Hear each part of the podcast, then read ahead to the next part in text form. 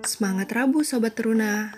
Kembali lagi di podcast Renungan Harian Teruna GPIB Evata Guntung Payung. Silakan pause podcastnya dulu untuk kita berdoa sebelum mendengar renungan hari ini. Amin.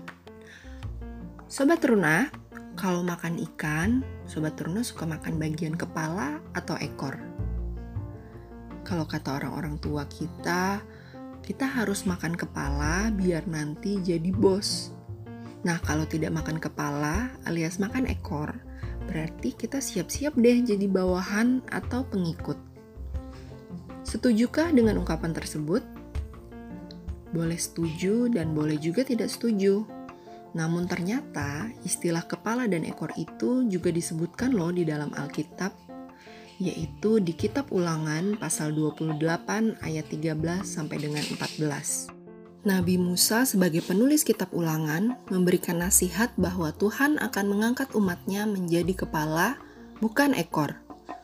Sobat Teruna pasti pernah kan menjadi kepala atau pemimpin?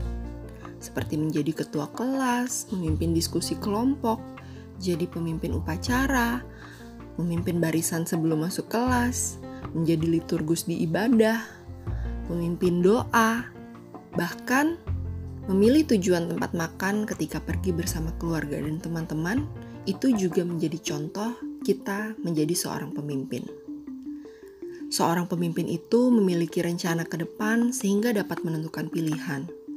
Sementara sebaliknya, seorang pengikut atau follower kurang terampil membuat pilihan dan berencana karena lebih banyak mengikuti pemimpinnya.